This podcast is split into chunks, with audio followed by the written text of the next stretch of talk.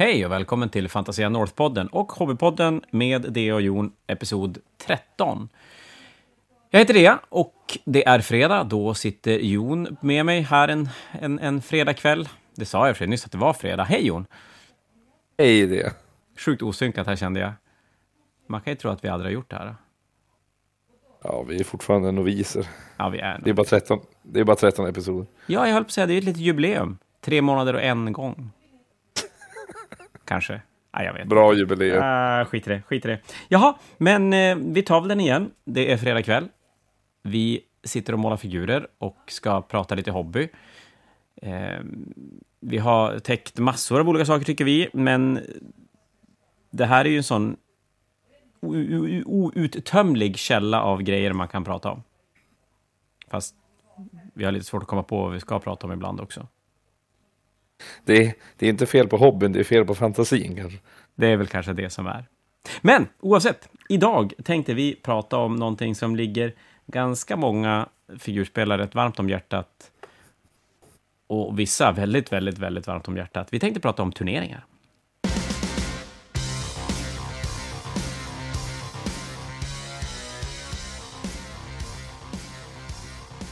Men innan vi ger oss in i turneringssnacket och alla bra och dåliga saker med det, så är det ju målningsdags samtidigt som vi pratar hobby. Och då är ju frågan, Jon, jag har ju tappat det. Du, du såg att karadronerna är nästa vecka? ja, jo. Så står det en karadron på ditt målarbord nu då, eller? Eh, jag har faktiskt två stycken Caradons framför mig som jag håller på just nu stryka färg på. Snyggt. Är peppen oändlig? Alltså den är ju... Jag är varsamt eh, försiktig. Där, där, jag har blivit sårad förut så att säga. Försiktigt positiv. Som en riktig figurspelare. Man bara utgår från att det blir värdelöst så blir det ju inte besviken i alla fall. Kanske. Precis. Någonting sånt. Men det är i alla fall karadroner som ska målas. Men klart det ska. Nu vet jag ju också, nu måste jag ju spela Age of Sigmar på Fanatiken. Ja, just det. Eh, Snygg eh, det- ingång till turneringssnacket här kände jag. ja. Synd bara att du ska avbryta det med att du ska måla Ja. systrar, eller hur? Eh, nej, faktiskt inte. Ja, Okej, det jag ska visst måla systrar, skojar bara. Eh, jag ska måla vidare på Repentia. Så insett så jävla roligt. Det var att måla deras hud. Jag brukar hata att måla hud. Men det här var jätteroligt. Det blev lite klumpigt, men det skiter jag i. Men det var ju så här super. De är ju djävulskt deffade. Det är ju muskler överalles. Så väldigt tacksamt att, att highlighta, faktiskt. Måste jag säga. Det är kul. Ja, faktiskt. Men, ja, men då blir det Caradoner på Fanatiken helt enkelt. Ja, jag, så, så, se, alltså, de, boken måste ju vara katastrofal för att jag inte ska spela det. Ja, det är väl så att det är ju inte... Alltså, senaste releaserna, det har ju aldrig varit riktigt katastrof åt det hållet. Det är i så fall så att det har varit tvärtom.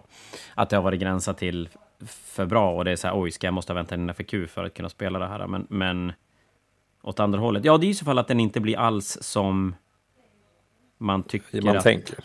Ja, men vi har väl en gemensam eh, kompis här uppe som, som är en generellt sett superpeppad Goblin-spelare, men, men eh, nya Gloomspike-boken blev inte riktigt vad han hade tänkt att det skulle vara. Så den släppte han helt och hållet när vi trodde att han skulle dyka head over heels in i Goblin-projekt. Mm. Ja, det är lite synd också, för det här är ju andra Gloomspite-boken GW skriver och eh, det var ju samma sak för honom förra gången.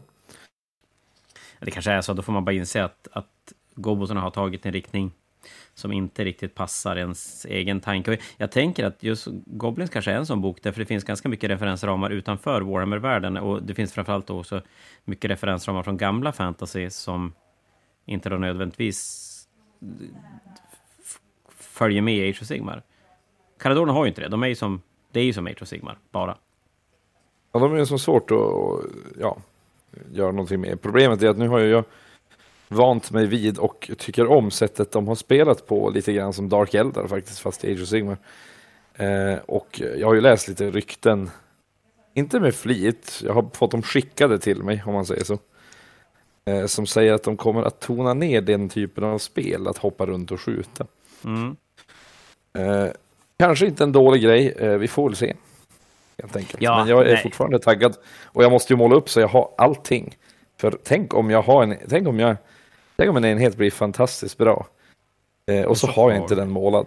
Nej, det skulle ju vara förfärligt. Nej, då är det bara att köra. Bara att köra. Det blir jobbig turneringsingång till dig då när du måste, istället för att bara måla 2000 poäng, måste man måla allt. Precis. Men som tur är så har jag ju antagligen över 2000 poäng målat. Så att jag får inte riktigt, jag blir inte satt i samma sits som med mina Space Marines. Nej, men det var, du, du spelade Caradorner på senaste Fanatiken, va? Ja, och så, så målar jag ju upp extra till, eh, vad heter den, en, en turnering i Uppsala, Lord of the Mounts. Ja, men just det, så är det ju Så också. att jag, jag, har ett, jag har en respektabel eh, kollektion just nu kan man väl säga. Coolt, coolt, coolt. Ja, men vad säger vi då? Turneringar. Konceptet turnering är ju inga konstigheter. Nej. Det vet ju alla, alla vad det innebär. Det innebär att man på, på något sätt tävlar med sina välmålade, fint... Fint, jag vet inte vad jag ska säga. Man tävlar med sina figurer. Ja, Och turnering har ju ganska, ganska blandat, ska vi kalla det rykte? Eller kan man säga så? Bland, bland spelare. ja. Tänker mig att det finns de som älskar turneringar och ja, men kanske egentligen håller på med hobbyn för turneringsupplevelsen. Ja definitivt. Och, och sen om det kanske inte nödvändigtvis behöver vara att man ska, man ska spela bäst och vinna och sådär, men, men just den där äh, känslan av att, att hänga i en lokal med x antal andra som håller på med samma sak som man gör själv. Det är ju någonting speciellt. Jo, jag minns jag brukar alltid prata om fanatiken till folk, att de ska åtminstone komma förbi och titta. För det är ju en speciell känsla. Eh, när man ser allt det där, för det är ju ändå 150 plus. Det är ju mer nu antar jag. Eller ja, Eh, men någonstans där. Ja, väl får vi väl 150. se. Det är väl inte, inte färdigt än. Vi kommer säkert att prata mer om Fanatiken under den här timmen. Men ja, som du säger, det är ju någonting speciellt. Framförallt de stora turneringarna blir ju, blir ju väldigt, väldigt speciell känsla, men jag kan även tycka att små turneringar blir jag vet inte, det är någonting, det är någonting speciellt. Det, men, men sen finns ju alltid en... Det är ju ganska många som har en ganska negativ syn på turneringar också. Och jag tror ju att de flesta som har det kanske inte har spelat så himla mycket. Eh, Turneringar i alla fall. Nej, det är ju, det är ju möjligt. Eh, nu skulle vi ha haft en gäst med oss som inte spelar turneringar, men Ja, men nästan. För både du och jag, men- jag spelar ju inte jättemycket turneringar längre. Men jag arrangerar ju väldigt mycket turneringar, så jag är ju som en del av turneringscommunityn. Eh, och, och, och spelar ju, jag spelar ju till exempel Store Championship på 40K-sidan, som vi höll i januari. Eh, och jag uppskattar turneringsspelandet, även om jag inte är så jävla duktig längre. Men jag tycker ofta att när- när jag, när jag pratar om turneringar på jobbet och man säger att ja, men nästa helg ska vi ha turnering, det är klart du ska komma med och spela. Ofta känner jag att jag ganska snabbt måste lägga till att ja, men, vi, vi säger turnering för att det är ordet man använder för att få flera att samlas under samma tak och, och spela. Att det är så himla lätt annars att om man har en sån här speldag att det kommer folk och så sen spelar man Ja, men man kanske inte... Det är svårt kanske att hooka upp med nya spelare om, om man inte får en anledning att spela mot någon. ja, det, det kan ju vara...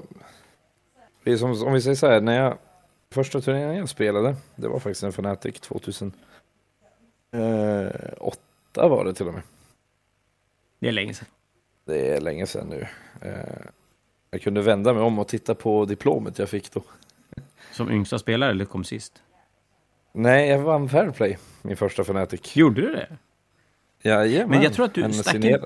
Stack inte du ut lite grann med att du var ganska ung och du var ganska det var ganska ovanligt att vara så ung då? Ja, jag var nog ändå ganska ung, men jag var ju absolut inte yngst Du var på inte det? turneringen. Jag tror inte, jag menar, eh, Didrik är väl yngre än mig. Han, han var den första jag mötte. Ja, kanske, ja, precis. Du kanske inte var yngre. Jag tänker annars så skulle det kunna, om man... Om det var så att det var ovanligt med, med yngre med och att du kommer med som, som det, så har man lite extra bonus när det kommer till Fairplay-röster. Men du kanske bara är trevlig. Jag kanske bara var, jag var trevlig. Var trevlig, exakt. Nu är du gammal och bitter. Men eh, jag var, jag var, nog bara, jag var faktiskt bara trevlig på den tiden. Eh, innan jag blev förstörd av Umeå.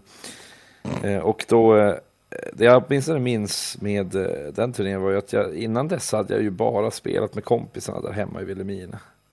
Kommer du ihåg käns känslan när du så här, klev in på i, i Dragonskolans gymnastiksal som är lokalen fanatikerna hålls i sen 2000.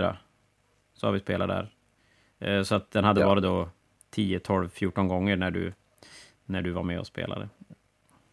Tro mig, det var typ, eh, alltså det var ju hur mäktigt som helst. Jag skulle inte säga att det var som eh, på samma sätt imponerande som kanske ett stort slott skulle ha varit liksom, men det var ju ändå det var ju ändå en, stor grej. Jag kände att det var en stor grej. Var stämningen var ju på topp. Alla var ju, kom ju där på morgonen och var ju som glada och pratade med varandra och så skulle du presentera allting. Folk applåderade. Alltså det, det var, ju, var ju väldigt bra stämning kan jag säga.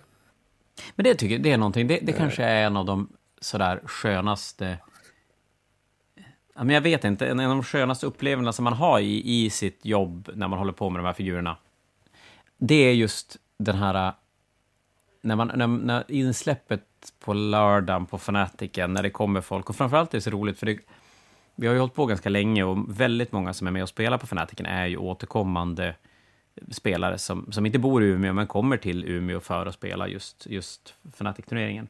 Så man träffar dem en gång per år, eller ibland två gånger, beroende på om det är sådana som kommer varje gång. Och det är ju skitkul. Alltså det är så fantastiskt att träffa alla människor som man inte träffar så ofta men det känns som att man har eh, hänger oftare än en, en gång per år. Och man märker ju vilken enormt skön community figurspelet är egentligen. Och jag tror att det är exakt likadant vart man än far. Ja, alltså det är ju eh, just den där början på turneringen. För då är ju alla som glada och Inga dåliga matcher. Kan man säga. Och, ja, men det Nej. Det, man har inga dåliga matcher, som... ingen stress, ingenting mm. sånt där, utan det är bara, bara härligt är det. Och som du säger, på de här större turneringarna också, där folk reser lite, så blir det ännu, alltså ännu mer, liksom, för då är folk glada att se varandra. Liksom. Hej! Så bara, som folk, som du säger, inte ser varandra annat än på turneringar. Jag menar, jag hälsar ju på dem som jag basically nästan, nästan till inte vet namnet på. Men jag spelar mot dem på Fanatics förr liksom. För jag har hängt med. Jag har ju hängt med väldigt länge på Fanatics jo. nu. Ja men det har du ju. Eh, och, eh, och inte missa en enda. Eh, sen jag började 2008. Så det blir ett par nu va? Vi är på 2023. Tydligen. Hur många år är det då? Det är oj, vatten, 17 år då. Eh, och det, jag undrar. Hur får du det till 17 år? Blir det inte det?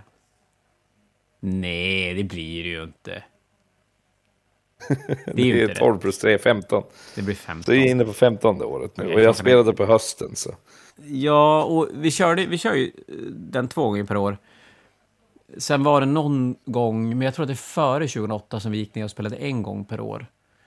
Så att det är nog så att du har spelat då 30 turneringar i höst. Så det här blir ja, i höst 29. Blir det 30. Mm. Alltså man, man skulle nästan ha gjort en, en grej av det nästa höst faktiskt. Kanske jag gjort det. 30 år. 30, 30 fanatiken i rad för mig. Nej, mäktigt. Det är mäktigt. Ja. Men vi kanske ska... Nu har, vi, nu har vi sagt ordet fanatic typ 400 gånger på 10 minuter. Jajamän. Det är ju inte säkert att alla vet vad Fantasia Fanatic är. Det kanske inte är så att alla vet ens riktigt turneringskoncept sättet, ja, även om man förstår vad en turnering är, men, men i figurspelssammanhang. Men vi, vi, kan väl börja köra en liten sådär, eh, liten historia kring Fantasia Fanatic och jag tror att själva konceptet går att återanvända på rätt många turneringar i Sverige och Europa och världen. Men eh, Fanatikerna är då, det är Fantasias egna tvådagars turnering som vi håller två gånger per år. En gång på hösten och en gång på våren. Den startade 98. 1998 startade den och då var det i ett programprojekt med GV där vi var...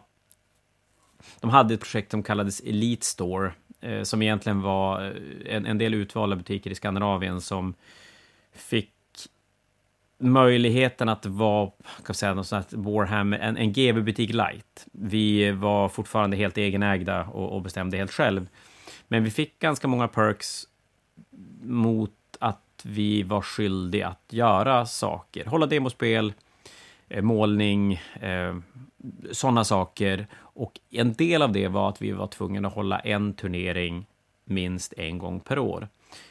Alla de där grejerna, innan ni tror att det här var GV som gick in och skulle på något sätt tygla oss, var fantastiska. Det var skitbra grejer. Vi fick väldigt mycket hjälp, kurser och grejer. Och att vi ska hålla en turnering är ju egentligen fullt rimligt för att hålla communityn levande i den, i den ort man håller till. En liten löjlig grej däremot var att den var tvungen att heta Fnatic. Ingen aning om varför. Jag tror att det var för att de som var bakom det här projektet, som kallades Elite Store, var danskar. Eh, faktiskt eh, var en av dem var Bo Tolstrup, han som startade Army Painter eh, ett gäng år senare. Men, men de var danskar och eh, Giant Fanatic var ett turneringskoncept i Danmark som var väldigt nydanande och på något sätt satte väl, ska vi säga, det var det de tittade på när de bestämde vad vi skulle göra för någonting och då av någon anledning så, så var vi tvungna att, att, ha namnet Fnatic på turneringen. Det försvann väldigt, väldigt fort. Det, jag, jag vet inte hur många sådana turneringar som hölls. Men det jag gjorde var för att få lägga en egen touch på det, det var att jag satte bara Fantasia framför. Det kändes som att det flöt ganska bra i munnen, Fantasia Fnatic.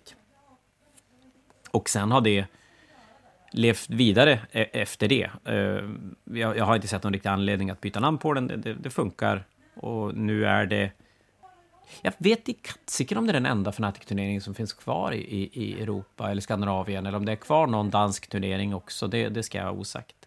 Men i alla fall, eh, Fantasia Fnatic har alldeles, ända från början varit en två dagars turnering. Vi spelar väl oftast fem matcher, ibland har vi spelat sex matcher. Vi gick ner till en gång, när vi började en gång per år och sen gick vi upp ganska snabbt till två gånger per år Sen backade vi tillbaka till en gång per år när vi tappade lite fart i deltagarantalet.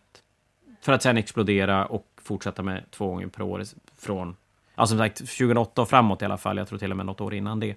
Och i år, nu på, på vårkanten, ja men fan i mig, om exakt en månad så är det Fanatic nummer 43.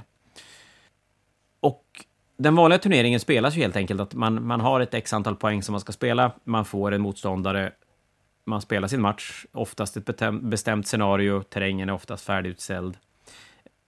Efter den matchen så är det ny omgång och då lottas man, nästan alla turneringar spelar med en Swiss-lottning. Och det innebär helt enkelt att man lottas mot den som ligger närmast en själv i resultatlistan, som man inte har mött tidigare. Så ettan möter tvåan, trean, fyran och så vidare. För att hålla det ganska enkelt. Har jag missat någonting? Eh, nej. Eller han Jon somnar där? Nej, nej, jag tänkte bara, du missade att säga att Fanat Fantasia Fanatic är grymt och alla borde delta. Typ Tack. Nu. Gulligt. Eh, jag har lite svårt att... Och, och, och, men ja, alltså ja, nej men det, det, så är det. Den, den, är, den är fantastiskt härlig, ett härligt arrangemang och jag får väl, får väl säga ändå att folk brukar vara ganska nöjda.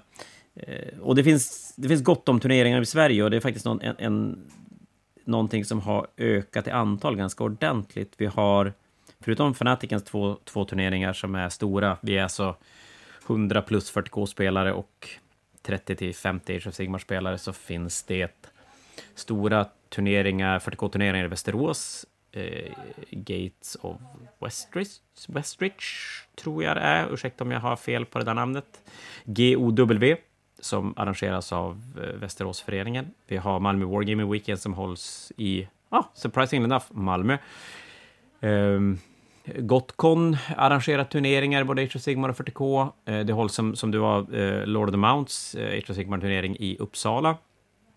Ja, men det, det poppar upp rätt stora turneringar uh, runt om i Sverige. Och, och, för att inte förglömma alla små turneringar som arrangeras runt om på olika spelföreningar av av inbitna, eh, engagerade eldsjälar som brinner för att hålla sin hobby levande i den region man spelar. Och, och det, oavsett vad ni tycker om turneringen så, här, så ska ni inse att det är fruktansvärt värt för hobbyn i, i den i den community ni håller på med, att, att turneringar gör väldigt mycket för spelandet och allting runt omkring. Det, det går inte att komma ifrån. Så för alla er som orkar ideellt hålla turneringar, för det ska ju ärligt sägas att Fantasia och jag har ju inte, inte andra, men, men för mig är det ju mitt levebröd. Jag, jag är ju tvungen att få figurer att funka i en business för att Fantasia ska finnas kvar. Och då är turneringar en del av det. Men, men för alla er som arrangerar turneringar utan att egentligen ha det så ska ni ha jävligt mycket cred. Det är, det är ett hästjobb. Eh, kul, men, men det, det kräver ganska mycket gör det. Det om det. Nu vet ni exakt vad fanatiken är och ni har kanske en liten snabb överblick om vad en figurspelsturnering kan innebära. Eh, men alltså, det finns ganska mycket att säga om turneringar. jag tänker att vi, kommer kunna ha ganska mycket roliga minnen, eh, även om vi har haft det tidigare i podden också.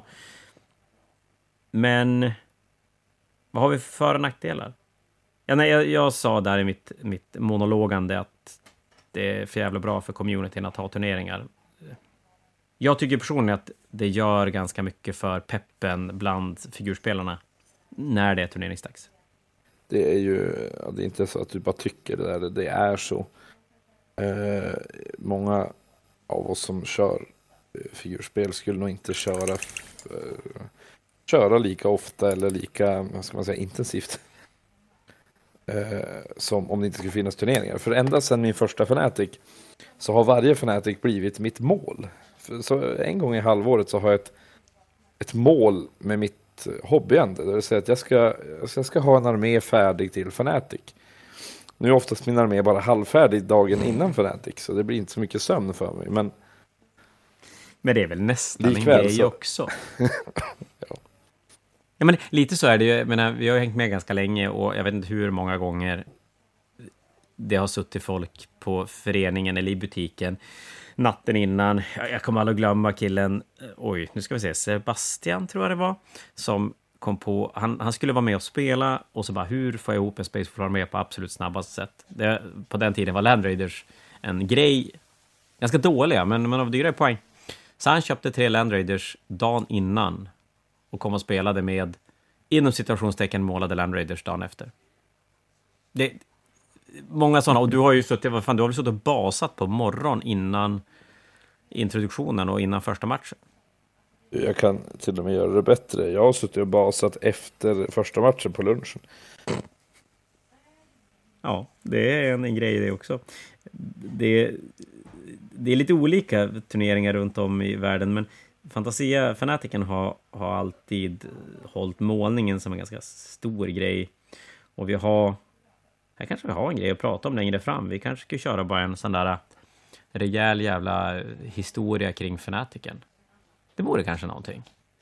Alltså vi är redan på god väg om vi säger så. Ja men vi är nog det. Men vi kanske får, får tona ner det den här gången och göra en grej av det eh, längre fram, tror jag. Det kändes lite spännande, faktiskt.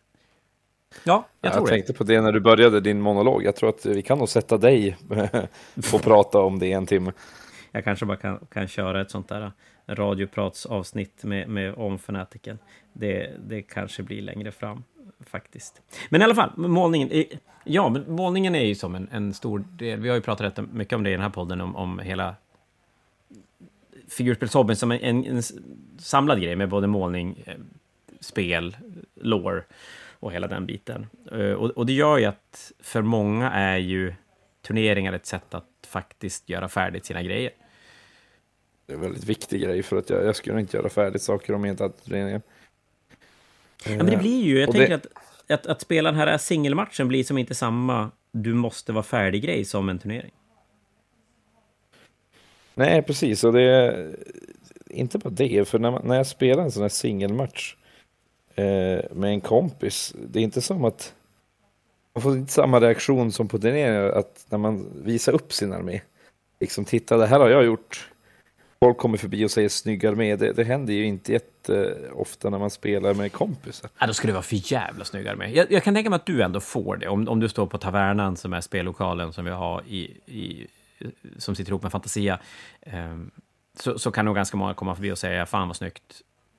Men mm. då ska ju tilläggas att du har ju snygga arméer, alltså på riktigt snygga arméer. De, de sticker ju ut i mängden och, och ligger nog i framkant i Sverige på, på kvaliteten. Men har du inte det så kan du nog ganska snygga arméer, men, men som du säger att det händer nog inte lika ofta, men på en turnering, det är därför jag är så himla sådär att fan måla själv.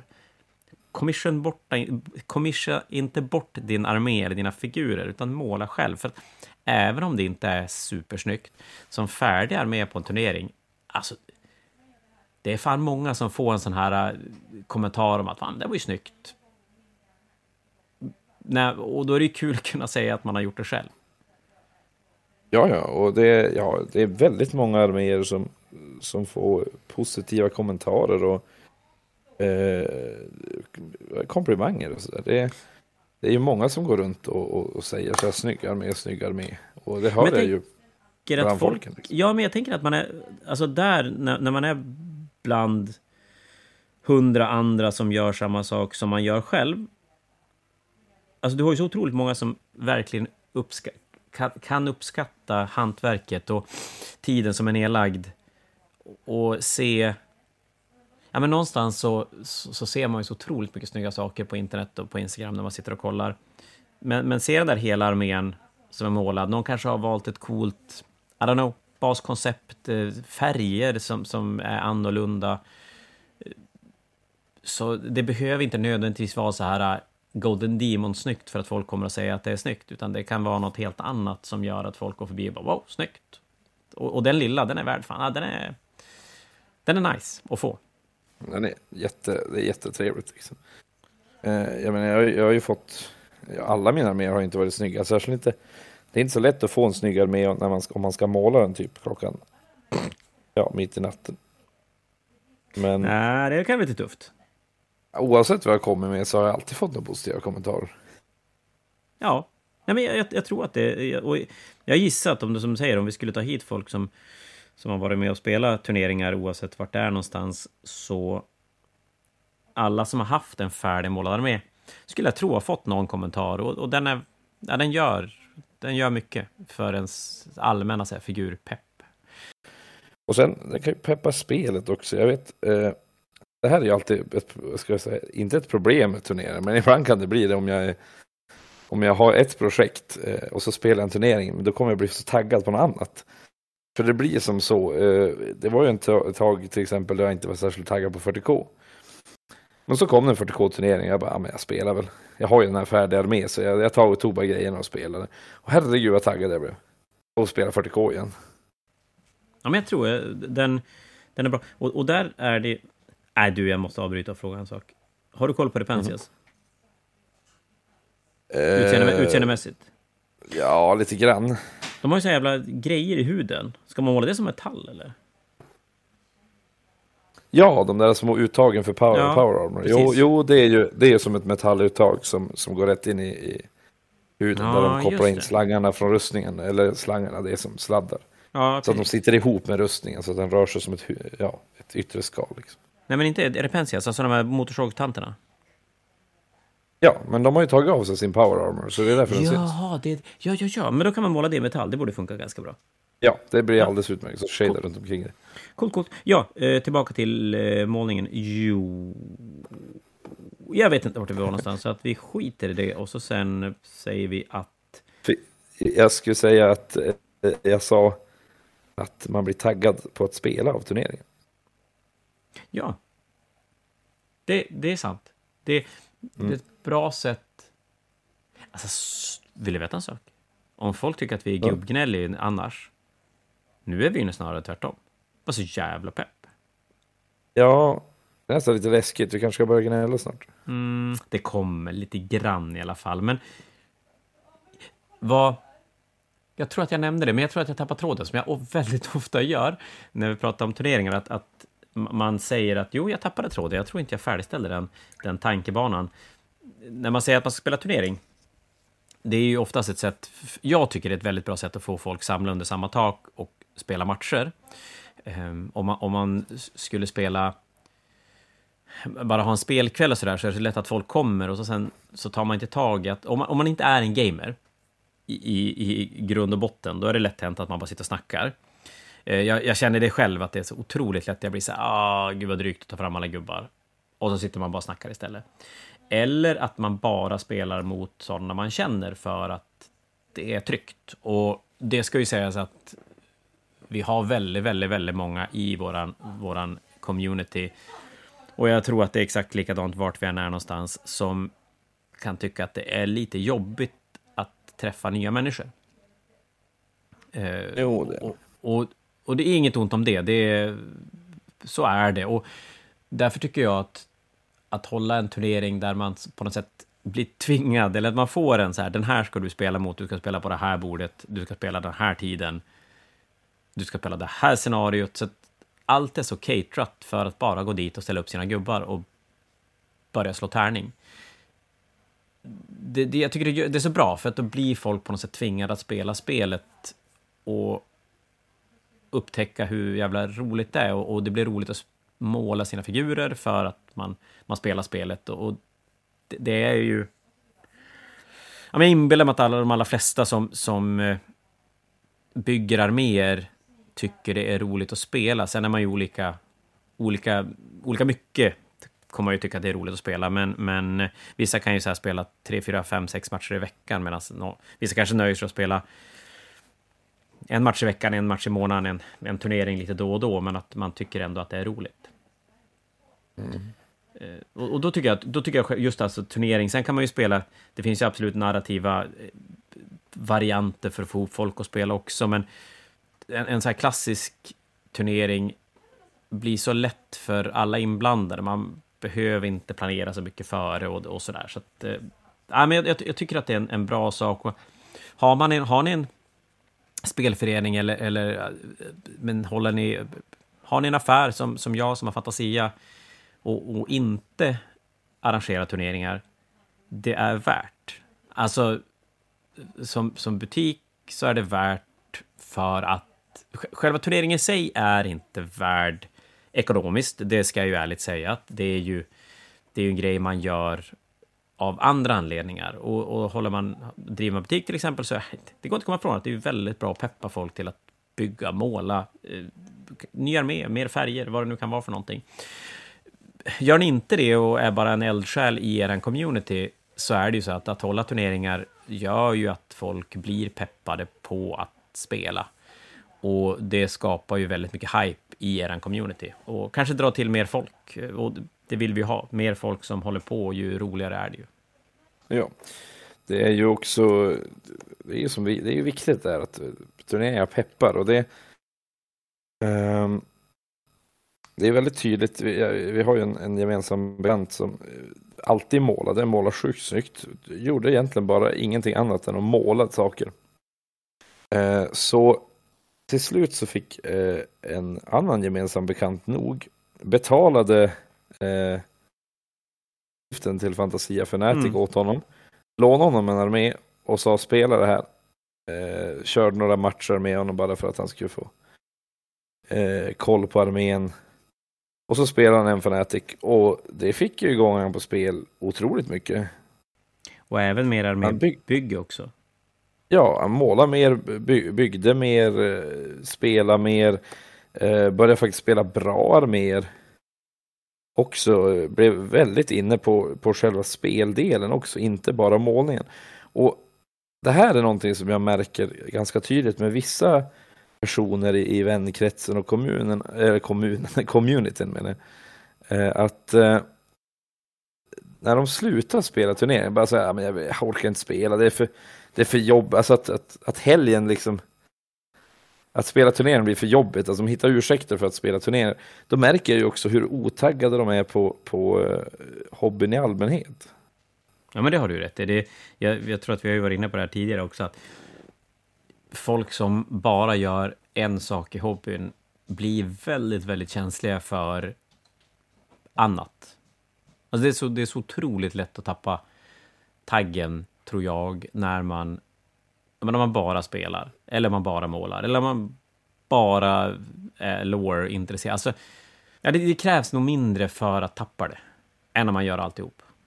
Ja, och, det, och jag, jag tror turneringar är någonting speciellt. För även om du säg att du målar och du spelar med kompisen och allt sånt där. Till slut så, det blir ju ändå lite stagnerat om du spelar mot samma personer, samma arméer hela tiden.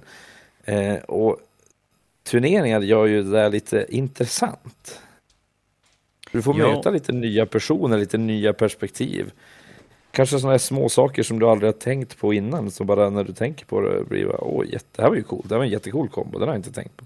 Eller träffa nya härliga människor som man funkar jävligt bra med och så helt plötsligt har man någon till som man kan höra av sig till för att spela den där fredagkvällsmatchen som man brukade göra jag, jag, tycker man märker ganska ofta, och, och, och det är väl små communities. Eh, på Fantasia tycker jag man, vi krockar ganska ofta med det. Vi har ju de som hänger på eh, ska vi säga, Fantasias spelföreningslokal eller sådär. Och där blir det mycket folk, mycket blandat folk, folk som inte känner varandra.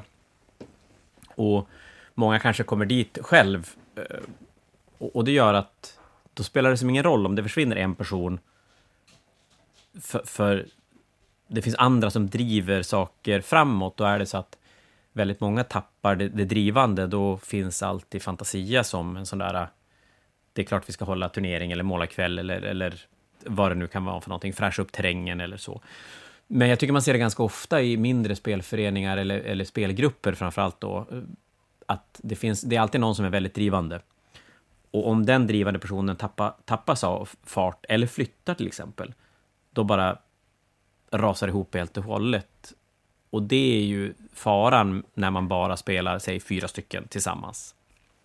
Och inte sagt nu att ni ska sluta spela med era, era polare hemma, men att utvidga den och kanske spela en turnering en gång i kvartalet eller en gång i halvåret eller någonting gör väldigt mycket. Ja, nej, men som sagt, jag är helt övertygad om att turneringar är viktiga för inte bara community men också för ens, eget, för ens egen hobby. Eh, annars är det så stor risk att man fastnar någonstans. Men sen finns det ju lite faror med turneringskonceptet. Och det är ju egentligen det, det figurspelandet gör bäst kan ju på något sätt absolut vara den största faran i turneringsformat. Och, och, för det har jag sagt massor av gånger, jag vet aldrig om det har kommit upp i den här podden, men det finns ju få hobbys som du kan göra på det sätt som du gör med figurspelen. Att du kan vara, du kan vara ganska, du kan vara kass och vara med ändå. Alltså det spelar ingen roll om du är sämst på mål eller om du är dålig på att spela. Eller, du, du har ju din plats ändå, oavsett. Mm. Och det är ju aldrig ett problem när folk hittar sina lik eh, sina jämlika eh, ja men så heter det, precis. Då är det ju inget problem. Men det är klart, när man, när man spelar en turnering och man inte vet vem man möter och man får möta folk, så finns det ju alltid risken att två personer som inte funkar tillsammans krockar med varandra. Och som det är i, i, den verkliga världen utanför det vi håller på med, så alla synkar inte superduper bra. Så är det. Nej.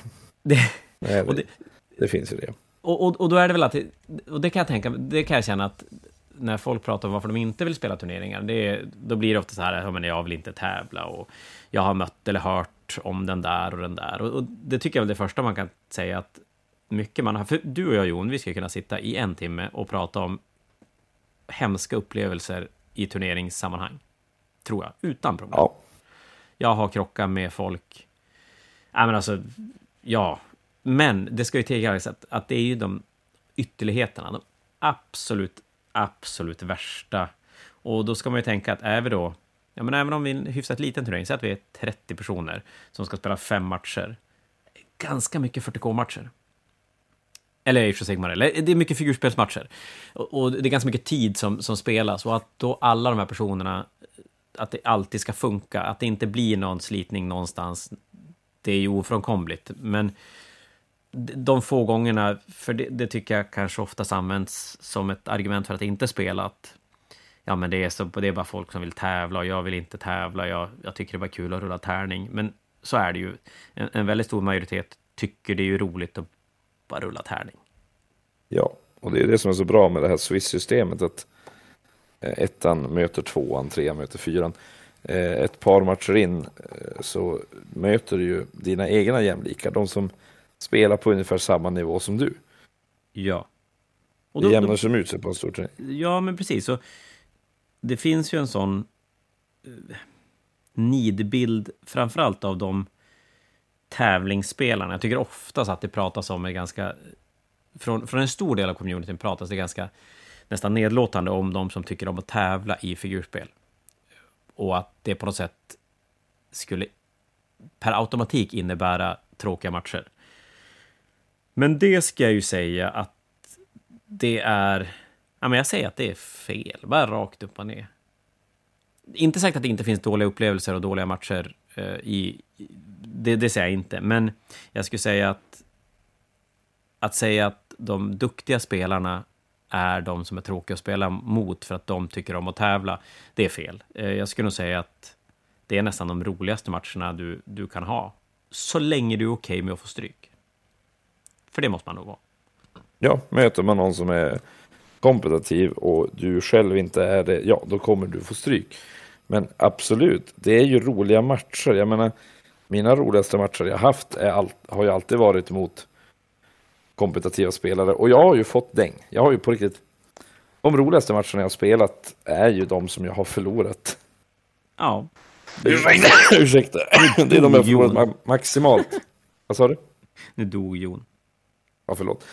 Eh, det är de jag har eh, spelat och förlorat eh, med maximala poäng. Alltså den största förlusten jag kunde ha fått. Men det har också varit mina roligaste matcher och det har alltid varit mot kompetitiva spelare på, på Fantasia Fnatic. Nu premierar jag Fantasia Fnatic igen, men det är för att jag tycker att det är himmelriket och det är alltså årets höjdpunkt. Det är Fantasia Fnatic på eh, våren, på hösten och julafton. Det är de tre höjdpunkterna mm. om året. Så ja, det är så det funkar. Ja, vi ska komma tillbaka till eh, det där. Jag tror att det blir ganska snart ett, ett, ett, eh, en, en genomgång av den. Men ja, det, det, det där, det var... Nu ska vi se, det där var nog Daniel Hesselberg, en VTC-kapten och en, en erkänt duktig 40K-spelare som har varit en del av VTC-laget i Sverige väldigt, väldigt, väldigt länge. Jag tror han sa Oh, nu ska vi inte hänga ut några spelgrupper och sådär. Vi, vi pratar ju ytterligheter till mångt och mycket. Men han, man, man, skulle enkelt kunna säga man skulle kunna dela upp spelare i, i tre, tre kategorier. Man har tier, lite grann som man gör med arméer. Man har tier A, B och C-spelare. Eh, där C-spelarna, det är... Ja, men jag tror att du och jag kanske faller där. Eller? Vi kanske är en B också. Ja, men vi kanske är lite B. Men eh, de som spelar turneringar för att det är för jävla roligt att träffa nytt folk, dricka lite kaffe, rulla lite tärning, eh, glömma bort lite regler, eh, hjälpa motståndarna att komma ihåg lite regler, få fram ett resultat. Ja, nej men alltså, upplevelsen är anledningen att är där. Sen om man vann eller förlorade, det spelar absolut ingen roll. Man är där för att visa upp sin armé kanske, Ja, vad det nu kan vara. Sen har vi eh, B-gänget. Och här hamnar väl egentligen alla som tycker om att tävla, men kanske inte är tillräckligt duktig för att faktiskt vinna turneringar. Man vinner absolut matcher, men, men i slutändan så är man inte tillräckligt vass för att vinna de här fem matcherna som krävs för att vinna turneringen. Uh, och där kanske du och jag faller, för jag tycker ändå om att tävla, men jag är för fan inte tillräckligt duktig för att vinna någonting. Inte ja, mycket i alla fall. Vi, vi varierar nog lite grann mellan de kategorierna. Lite beroende ja. på armé och hur mycket vi har spelat. Uh, ja, hur men jag, spelat. jag tror ändå att jag... Jo, men jag ligger nog precis mittemellan för att jag...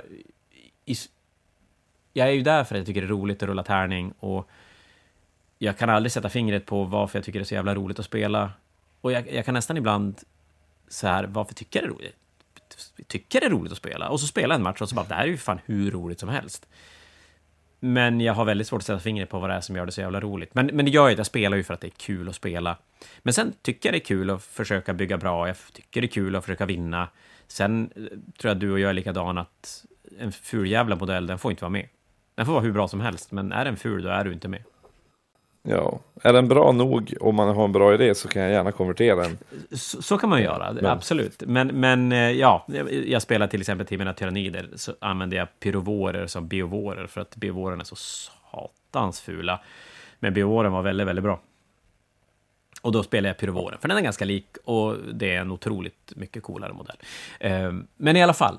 Och så sen har vi då A-spelarna och det är de som är tillräckligt duktiga på att spela för att faktiskt vinna. Och där har vi ju alla möjliga. Vi har de som commission målar bort eh, sin armé till de som är fruktansvärt duktiga på att måla och duktiga på att spela till de som bara vill spela orker, Björn, jag nämner dig. Eh, mm -hmm. För att det är orken man ska spela. Eh, ibland är de bra och då går det extra bra. Ibland är de inte jättebra och då får han slåss för att vinna sina matcher, men, men gör det till mångt och mycket ändå.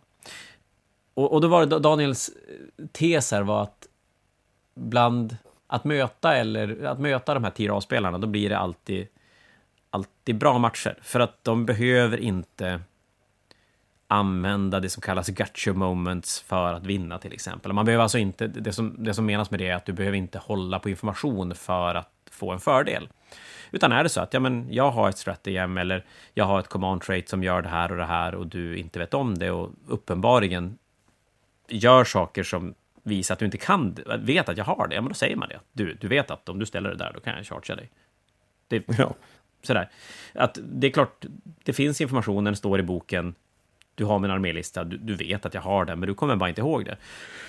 Och de här duktigaste spelarna i A-kategorin då, de, de har inget behov, vilja att vinna på det sättet. Eh, sen har vi C-spelarna, de, de eh, ja, antingen så berättar man inte det för man kommer inte ihåg det själv, eh, eller så gör man det, eller så gör man inte det, men att det, det finns ingen intention bakom. Om man, om man inte berättar det så är det för att man inte kommer ihåg det och då kanske man till och med låter bli att göra det för att det känns så jävla fult. Ehm, men där det kan bli lite slitningar i turneringssammanhang känner jag, och det var det Daniel var inne på också, att det är den här B-nivån, att där finns det, långt ifrån alla, men det finns ju lite, några spelare som gärna vill vinna, men inte har kanske kunskapen att vinna så mycket.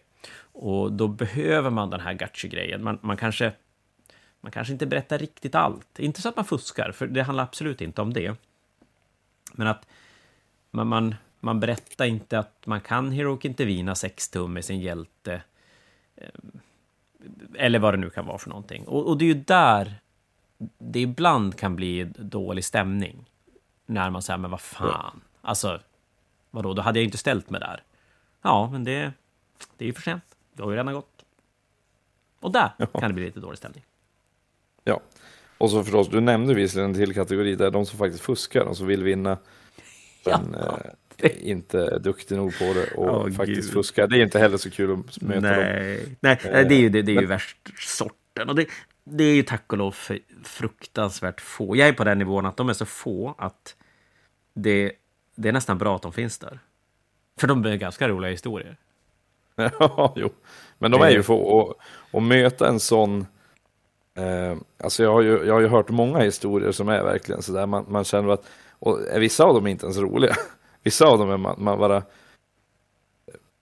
Ja, alltså nej, vissa nej, av dem är, känns bara fruktansvärda. Så är det ju, att, att vi har hört en del och varit med om en del. Jag tror aldrig att jag har krockat med det själv. Alltså, att, jag har aldrig spelat en match där det har varit så själv, men, men det är klart jag har, har, varit i turneringslokaler herrans många timmar, så att visst har det dykt upp de här, man bara, men är du på riktigt? Är du på riktigt? Eh. Där, där, där, kan vi bara, om vi bara drar en historia från en turnering, det här är nog absolut en av de värsta sakerna jag har hört. Men det var ju den här uh, turnerings, uh, turneringen i USA, tror jag det var, som faktiskt fick GV att inse att vi borde ha fair play-pris också. Vad, uh, vilken, vad var det för händelse? Vilken händelse var det som triggade det? Ja men det finns ju, i 40K så finns ju den här regeln att uh, i the end of your movement phase så får du sätta ut en enhet uh, som du har i reserv som kan typ teleporteras in eller komma ner från himlen eller något sådär. Och den får inte vara inom 9 tum av fiender. Så då var det en spelare som tog den här och, och skulle uh, förmäta liksom. Så innan han gick med någonting så började han förmäta eh, sätt, där var han skulle sätta upp sin enhet. Och så satte han upp den och, och, så, och så, ställde han där och så bara, ja men där ska den stå, det blir jättebra. Och så sa hans motståndare, ja, ja men där var din movement face slut. Vill du veta en sak? Jag tror Mm. till och med att du är lite snäll när du berättar den där. Ja, den där Nu- var faktiskt lite, kanske lite snäll, men eh, alltså, Ja, för jag det tror där var jag, att... delen jag kom ihåg var det där. Ja, för jag, men jag tror att... Nu, sådana här historier har ju en tendens att, att förvridas lite grann under tidens gång. Men jag tror till och med att det var snack om att motspelaren var så här, ja, men jag kan hjälpa dig. Ska vi inte ställa ut den här för att se vart du kan gå någonstans? Och så bara, ja, men ställ runt där. Han då- till och med, då- han till och med lurade den. Jag tror det, men, men jag ska inte svära på det. Men jag, jag har fått för mig att det är något sånt. Men det är ju så, jag tror att den här har vi nämnt tidigare i, hobbyn, äh, i Hobbypodden, att, och det här var från turneringen i Danmark. Jag tror till och med att det var den här Giant Fanatic som var som ur, ursprunget till Fanatic-turneringarna. När, när Ja, killen... just det. När han, han flyttar sina eh, Dark Eldar och Jetbikes på motståndarens sida och ställer dem längst ner i hörnet och så spelar han sin tur.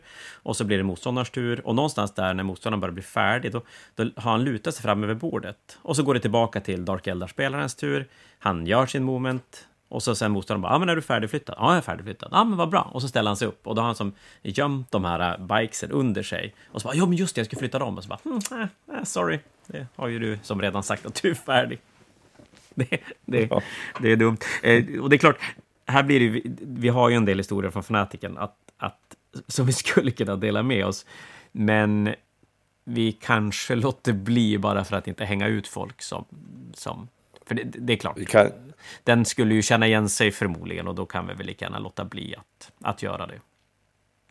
Men det eh, vi kan dock ta, vi kan dra ett par välvalda Fanatic-historier däremot, eh, men kanske under avsnittet som handlar om Fanatiken. Ja, men det kan vi göra. Och så nämner vi bara inga namn, så då får folk... Ja, har man gjort det så har man gjort det. Eh, så, så, så är det väl. Men ja, ändå ska vi säga så att det, det här är ju... eh, Oavsett i, i vilken turneringscommunity man är, så är det här ju få gånger det blir bra historier i efterhand. De berättas, de förvrids. De blir förmodligen mycket värre än vad de var. Men man ska nog inte använda det som ett så här, nej, då ska jag inte spela turneringen för att folk fuskar.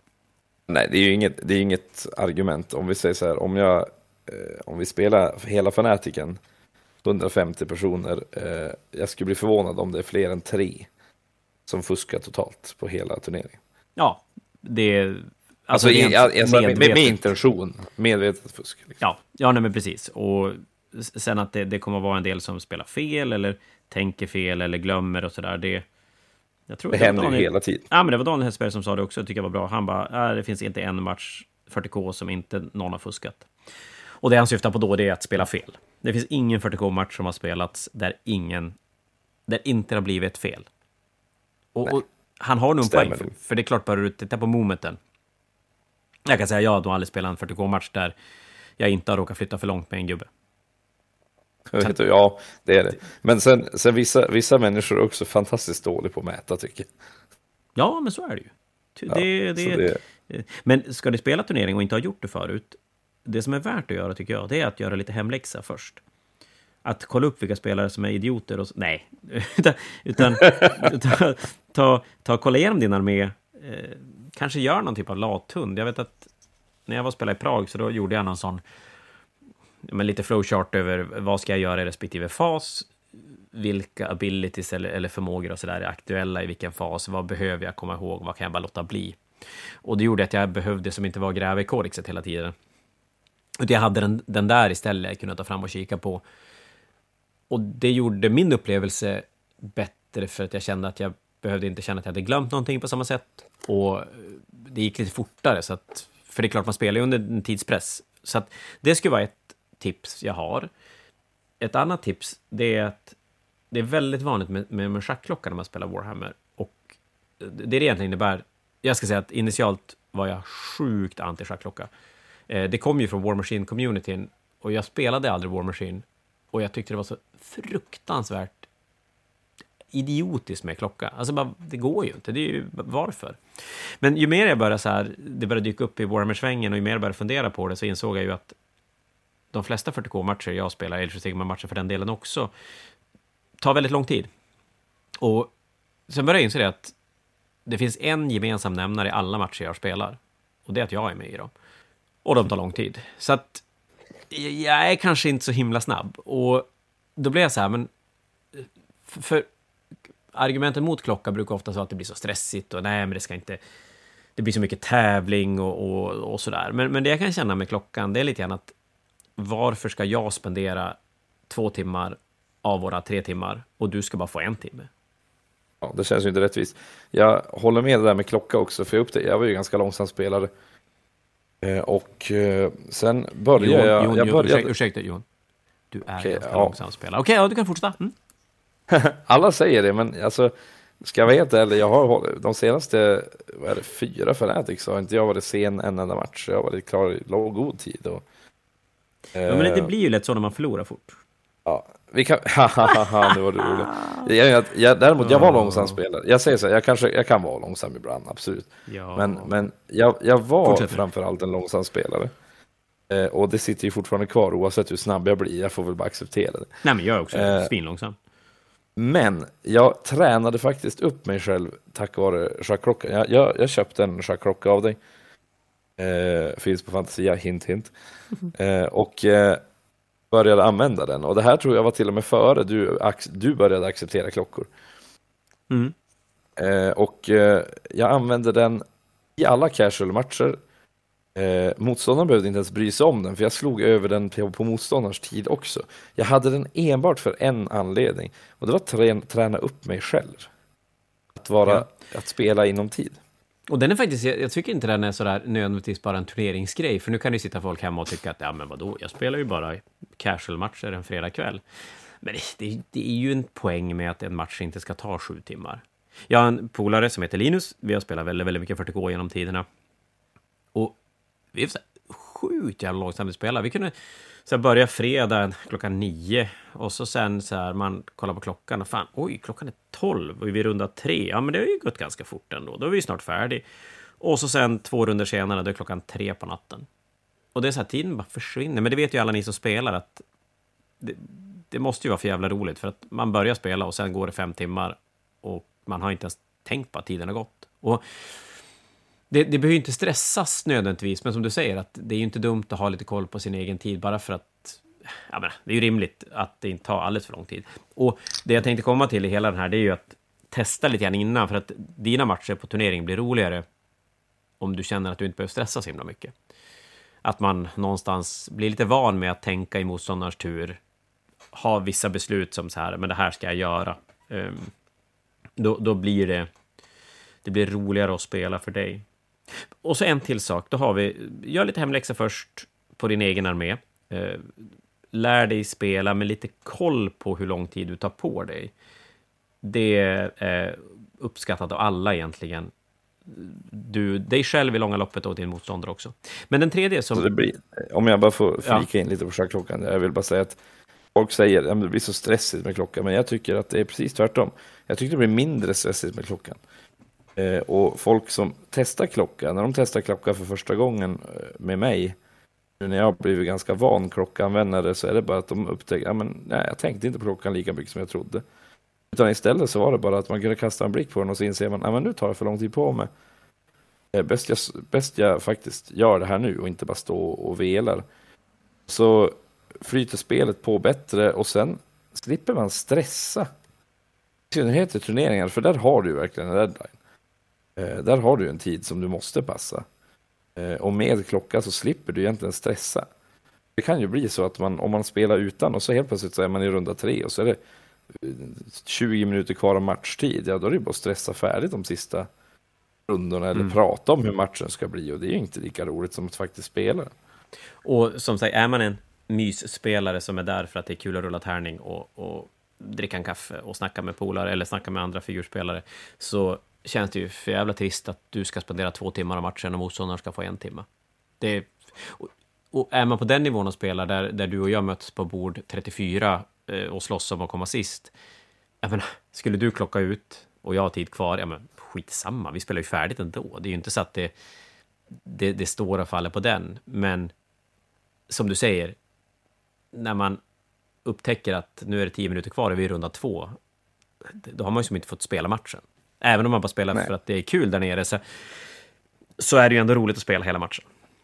Så Ja, det, det, det är faktiskt... eh, Det är bra att ha lite koll. Sen, sen är det en sak till som är bra för din egen skull. För det är ju verkligen så att man möter ju väldigt mycket olika, olika nivåer av spelare och folk man, man synkar med och folk man inte synkar med. Men, och just nu, i Age of Sigmar är det inte så mycket, så mycket snack om det som det är i 40K. Men det där går lite i vågor beroende på hur långt in i editionen ett, ett spel är. Men just nu i 40K, om man läser på internet, så är det ju väldigt mycket eh, snack om att 40K är så himla avancerat. Att det, det går inte att hålla koll på allting du behöver ha koll på.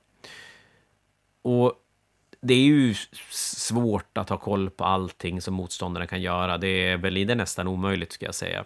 Men jag skulle också säga att det är inte speciellt nödvändigt. Det är klart, vill du vinna en, en turnering, då är det ju bra att ha koll på vad motståndarna kan göra.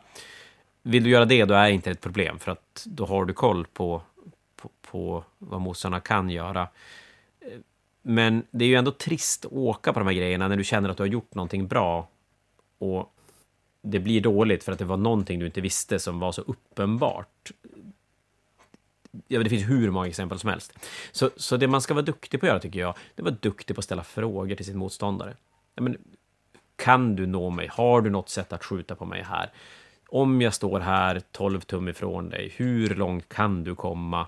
Ja, men, tydliga frågor så att man, man får veta att ja, men det, det, det, finns ingenting här som gör att jag kan åka på en grej som jag inte hade koll på. Det tycker jag är ganska bra. Och då, åt andra hållet då ska man ju säga till alla ni som får de här frågorna, men var ärlig. Det är ju fan inget roligt att vinna på att man, man gömmer information. Det, det är inte rätt sätt att vinna 40K på. Eller Age Sigmar, eller någon figurspelsmatch överhuvudtaget. Tycker jag i alla fall. Så det är väl tre saker jag tycker man kan göra inför en turnering. Och då kommer man ha en jävla rolig upplevelse. Så, så är det bara. Så länge man är okej okay med att förlora. För det måste man vara. Jag tycker, jag tycker man ska vara okej okay med att förlora oavsett. Om man ger sig in i ett spel, så är det faktiskt bra att kunna förlora. För någon gång kommer man att göra det. Ja, ja men både du och jag är ju barn i, i den åldern där, det, där vi har gått igenom lite det. Att lära dem att både vara bra vinnare och vara bra förlorare. Ja. Det, det är inte alla som har lärt sig det, tror jag. Jag tror Nej, inte det. men det är definitivt någonting man borde lära sig.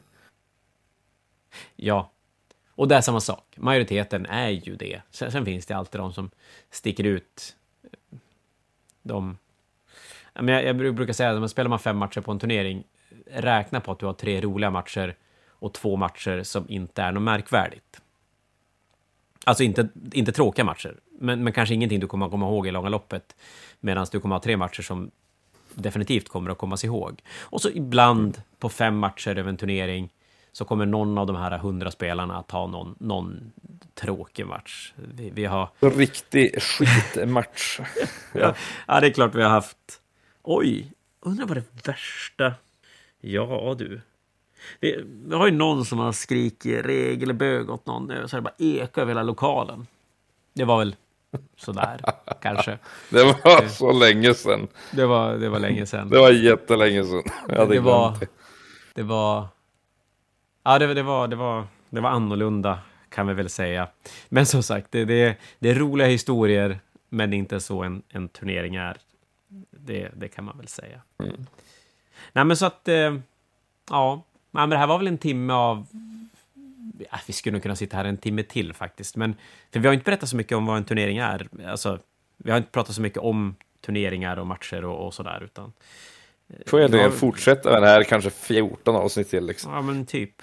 Nej, men jag tänker att vi, vi kanske har fått någon sugen på att testa. Och jag säger bara, men fan det är bara att testa. Alltså, ha någon match spelad i, i, innan du ger in. Men annars, vad fan, det är bara blunda och hoppa. Som sagt, det värsta som kan hända är att du förlorar. Det är det absolut värsta. Och en vanlig grej är ju att säga så här, men jag kan inte reglerna. Det blir inget roligt för min motståndare för jag kan inte reglerna. Man bara, men... Alltså, ja, det är klart, du måste ju kunna lite grann. Det, du, du kan inte komma in och spela, spela, spela Age of Sigmar och bara så här, vilken väg ska min gubbe stå? Ska den här plattan vara uppåt eller ner? Nej, det kan du inte göra. Du, du bör ha lite koll på hur du går, hur du skjuter. Eh, du behöver absolut inte ha koll på... Jag menar, om vi tar då, om vi tar 40K, om du har någon strategem eller någon, någon buffregel som, som du inte har koll på, ja men använd den inte, för använder du den inte blir det inte fel och då blir det inte fusk. Då blir det bara lite sämre för dig, men det kanske inte gör så mycket. Um, var ödmjuk när du spelar om du känner att du inte, inte kan, så att säga motståndaren att ja, men det är så här. Ja, men om du absolut inte kan ta fram regelboken och visa att men titta, det är ju så här. Nej, men tro på han eller hon och spela så. Och är du tycker att det lät konstigt, ja men kolla upp det i efterhand och, och så här, ah, okej, okay, det var inte så. Då kanske personen i fråga hade lärt sig fel, så att nu vet du hur det ska vara till nästa gång. Men det, det är ju inte jätteroligt att spela mot nya spelare som börjar argumentera mot att, ja men så här är det. Jag har läst det på internet. Man bara, nej men det är inte så. Jo. Det är en ganska dålig grej att göra när man kliver in som nybörjare på turneringsscenen.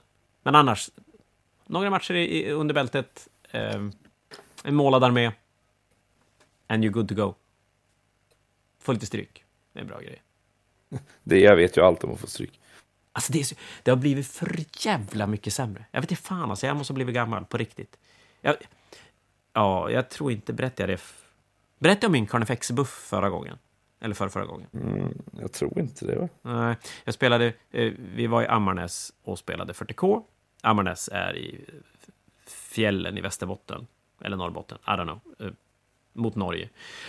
Eh, så var där en, en kompis stuga och spelade 40K och njöt av vacker natur. Skitsamma, vi spelade 40K. Jag spelar mina tyrannider. Jag buffar en Carnifex rätt hårt i min command face. Jag spelar shoot i tyrannider så det blir ganska mycket skytte och, och en hel del moment. Kommer till, till eh, close combat-facen. Se på min Carnifex. Och då har jag lagt, då ska jag säga det, jag har skrivit små papperslappar. Det är så här, rerolla 1 to hit i närstrid. Rerolla wounds. Mm, jag tror att det var de två buffarna jag hade. Jo, och så 5 plus plus uh, Feel no Pain från, från katalysten hade jag. Så det hade jag skrivit lappar kring. Och så blir jag så här i början på, på Close Combat Face, bara helvete, jag glömde ju alla buffar förra rundan. Och min motspelare bara, nej men du, det var ju den här command facen du kastade buffarna, så du har inte glömt någonting. Man bara, ja, coolt, vad grym jag är. Och så började vi slåss. Men inte vid Carnifexen, för den slogs i närstrid sedan tidigare, så att vi börjar med lite Charge and the Hive Tyrants och skit. Och så kommer jag till Carnifexen, slåss med Carnifexen. Passar min tur, motståndarens tur, börjar gå. Och så jag bara, du... Visst glömde jag mina buffar på Carnifexen? Ja, det gjorde du nog. Helvete. Uh, ja, då, alltså det är ju svårare att vinna 40K-matcher. Då. Och jag, jag det är så jävla illa, jag kan ju inte ens skylla på att det är mycket regler i 40K, för det var ju inte så att det var tre buffar jag hade lagt. Jag hade lagt lappar bredvid min Carnifex, tydliga lappar. Så det är ju inte det att det är komplicerat. Det är att jag är jävla dum i huvudet. Och då är det svårt att vinna 40K. Ja, jag tror det är svårt att vinna allt faktiskt. Jag behöver mina, jag behöver mina hiveguards. Jag, jag behöver den här enheten man kan, man kan peka på en motståndarenhet och bara du dog. Och så dog du också. Och så gör inte det att man automatiskt vinner, men man, det är en krycka. Jag du kanske ska köra eh, World Eaters. Jag har hört att Angron är en sån typ av pjäs som han, han tittar på någonting och så säger han delete. Du dog. Ja, ja men det, det är lite sånt jag egentligen behöver för att spela spelet bra nu. Jag har ju enorm... Och jag märker det med tyranniderna nu, för de är ju... De... Jag vill säga att de är inte så bra som de... De har ju blivit ganska hårt nerfade. Eh, men, men jag kan ju inte värdera hur bra de är efter mitt spelande och mina resultat. Men det, det de framförallt är, det är att de är väldigt, väldigt luriga att spela, för det är väldigt mycket buffar som ges ut i, i command-facen. Du har den här synapsgrejen, att du ska hålla ihop dina karaktärer och skapa som länkar mellan dem som, för att få fördelar från dem till din armé. Och mycket är byggt och poängsatt efter att det ska funka. Och det är så här, i min deployment, absolut, stenkoll på vart jag ställer mina grejer och att jag har mina 12-tumsbubblor och grejer. Två moment face senare, mm, ja, då är jag lite all over the place. Och har massa goda tankar som eh, jag inte riktigt kommer ihåg att jag hade få dedikera ett poddavsnitt någon gång att lära dig spela alltså. Absolut, men det ska ju tilläggas att det är för jävla roligt ändå. Det, det går bara inte att komma ifrån. Det är så jävla kul. Så spela, vi, backar, vi kan backa ännu mer. Turneringar är lära. Men spelar ni inte, så se för fan till att få ut era gubbar spela. på ett bräde. Ja, men absolut. Alltså det, det blir roligare att måla. Det blir lättare att hålla kvar taggen i, i hobbyn i, i största allmänhet. Och du kommer ha sjukt mycket roliga minnen som man kan sitta och I don't know, spela in ett poddavsnitt då, kanske. Eller någonting sånt. Absolut. Ja, men eh, det, då kan vi väl nästan eh, avsluta vårt samtal om turneringarna, även fast jag tror vi gled ifrån ämnet lite hit och dit ändå. Nej, nu måste Jon gå och sova. Ja, det, klockan är mycket alltså. Eh, Man Så ska det. på lördag morgon och allting. Men eh, framförallt eh, så ska jag passa på att göra lite smygreklam. Men alltså det är Anna, eh, Fan- Fantasia Fanatic an, är ju en analkande annalkande nu. Eh, ja, men så är det ju. 25-26 mars så spelas det 2000 poängs 40K och 2000 poängs Age of Sigmar-turnering i Umeå. Fantasia Fanatic. Det finns mer information på www.fantasianorth.com. Det finns en flik som heter evenemang. Klicka på den och då kommer upp en Fantasia Fanatic-logga. Klicka på den så får ni lite mer information och det finns ett regelhäfte till respektive spel eh, målat som ett krav, men kvalitet på målning, skitsamma.